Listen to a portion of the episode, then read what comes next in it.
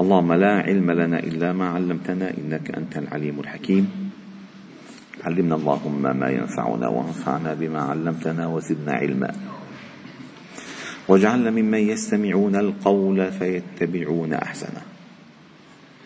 وأدخلنا برحمتك في عبادك الصالحين. وبعد. فلا نزال معكم أيها الأحباب الكرام في مجالس القرآن ضمن دروس قرآن الفجر. وقد وصلنا إلى قوله تعالى في سورة النساء إن الله يأمركم أن تؤدوا الأمانات إذا أهل إلى أهلها. وإذا حكمتم بين الناس أن تحكموا بالعدل إن الله نعم ما يعظكم به. إن الله كان سميعا بصيرا. هذه الآية أتت عقب جولة طويلة من الآيات المبينة الكاشفة لأسس بناء المجتمع الداخلي وما يحصنه من الداخل وما يحصنه من الخارج. وكيف أن الله جل جلاله هو الرؤوف بعباده الرحيم بخلقه الذي شرع لهم من الدين ما يحفظ عليهم كيانهم وكرامتهم ويبعد عنهم الحرج والعنت ويجعلهم في سعادة ليس بعدها سعادة ويحون بهذا الدين حياة طيبة. وأبان الله جل جلاله حال هؤلاء اليهود من الذين أوتوا نصيبا من الكتاب؟ كيف اشتروا الضلالة؟ اشتروا الضلالة بالهدى وضلوا وأرادوا أن تضلوا السبيل. وكيف حرفوا الكلمة عن مواضعه؟ وكيف أساءوا الأدب مع النبي صلى الله عليه وسلم الذي يعرفونه هو النبي؟ بصفاته ونعته.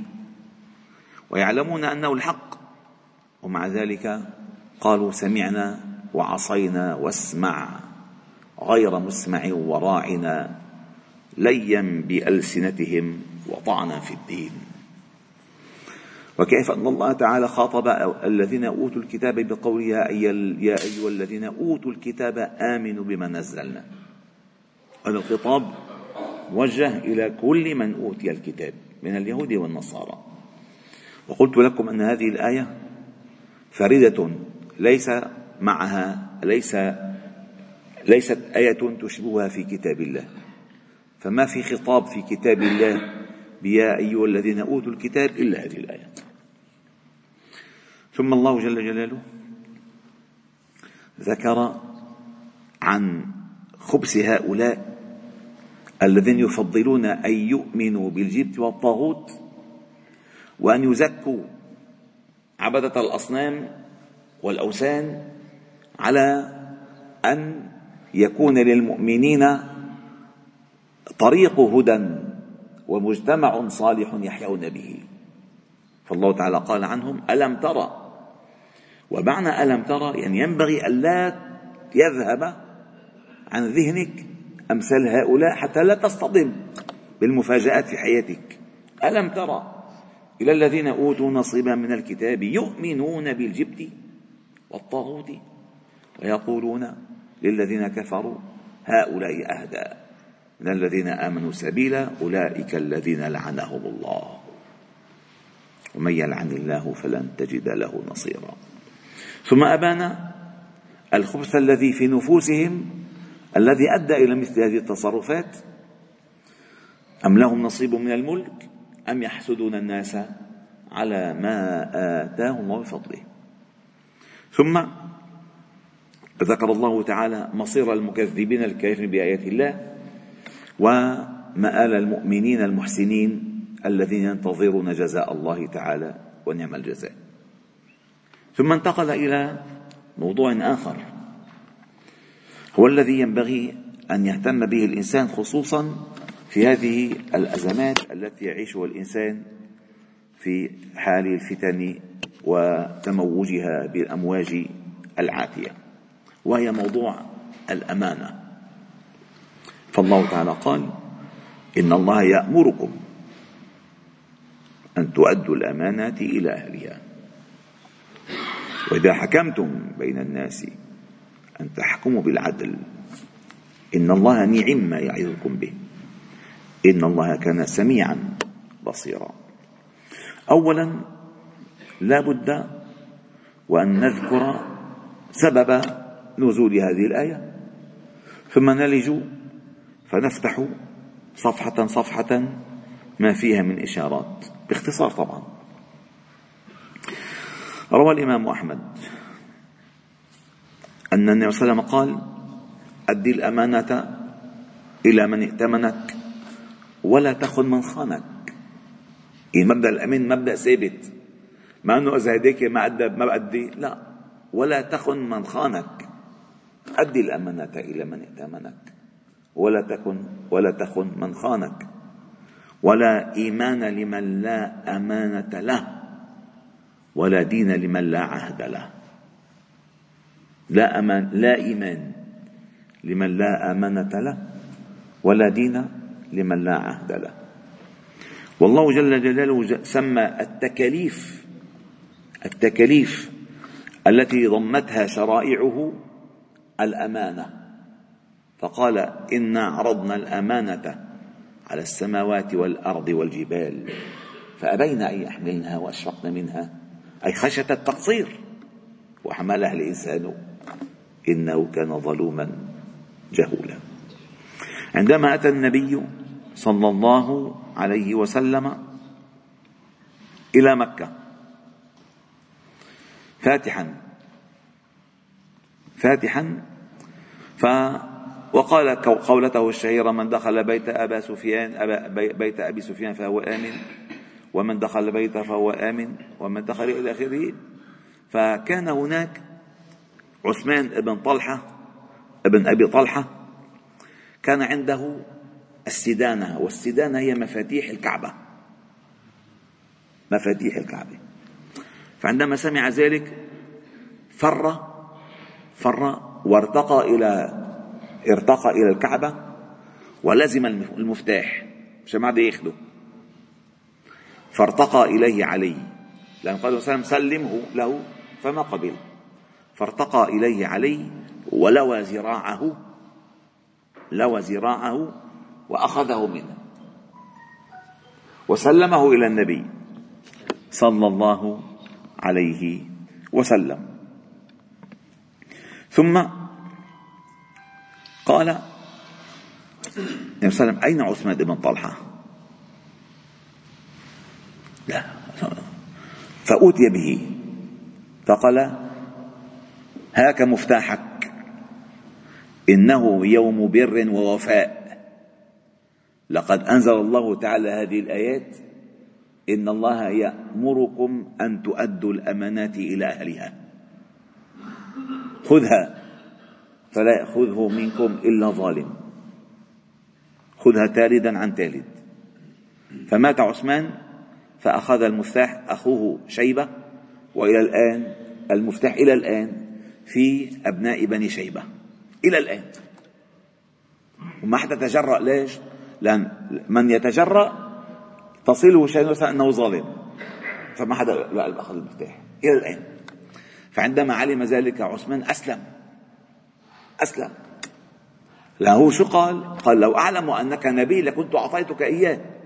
لست نبيا حتى أعطيك. فعندما نزل الله هذه الآية وقال هاك, هاك مفتاحك إنه يوم بر ووفاء فأدرك عمق هذا الدين فأسلم وظل المفتاح معه. ولا يعني أن هذه الآية تخص السبب بل إنها تعم على كل شيء أن تؤدي الأمانات إلى أهلها. وما أجمل هذا الحديث النبي صلى الله عليه وسلم يقول فيه أنزلوا الناس منازلهم. يعني مثلا إذا دخلت أنت على قرية وأردت أن تدعو الناس إلى الدين احرص احرص على أن لا تخدش أحدا بمكانته بين قومه فيهم. احرص. وإلا سقطت أنت من عينهم جميعا احفظ لهم منازلهم أي منزلتهم ومكانتهم. أنزلوا الناس منازلهم. فهنا الله تعالى يقول إن الله يأمركم أن تؤدوا الأمانات. ومعنى قوله إلى أهلها هذه مسؤولية كبيرة يعني بمعنى آخر. إذا لم إذا لم يخص السبب هذه الحادثة فيعم. ومن كان مؤتمنا على شيء ينبغي أن يكون حريصا ألا يولي الأمر إلا إلى أهله فإنها أمانة. فمن ولى الأمر إلى غير أهله فلننتظر بعدها الساعة. قال يا رسول الله متى الساعة؟ قال إذا ضيعت الأمانة. قال وكيف إضاعتها؟ قال أن يوسد الأمر إلى غير أهله فقد ضيعت الأمانة. ونحن الآن في عصر لا أمانة. والله تعالى مدح قوله تعالى في قوله والذين هم لأماناتهم وعهدهم راعون. فإذا إن الله يأمركم أن تؤدوا الأمانات إلى أهلها. حتى النطق أيها اللسان أمانة العين أمانة الأذن أمانة اليد أمانة الرجل أمانة البطن أمانة. كل هذه أمانات كل هذه أمانات. فالله تعالى ائتمننا عليها كيف نعمل بها؟ كيف نعمل بهذه الأمانات؟ كيف ننطق كيف نسمع كيف نرى كيف نفعل إلى أين نذهب كيف نأكل من أين نأكل؟ كل هذه أمانات.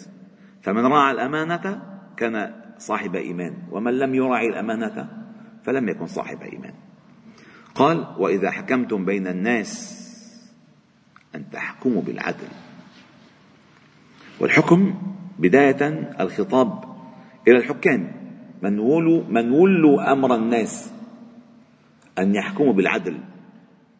وكذلك على كل صاحب مسؤولية. كذلك ينبغي أن يحكم بالعدل.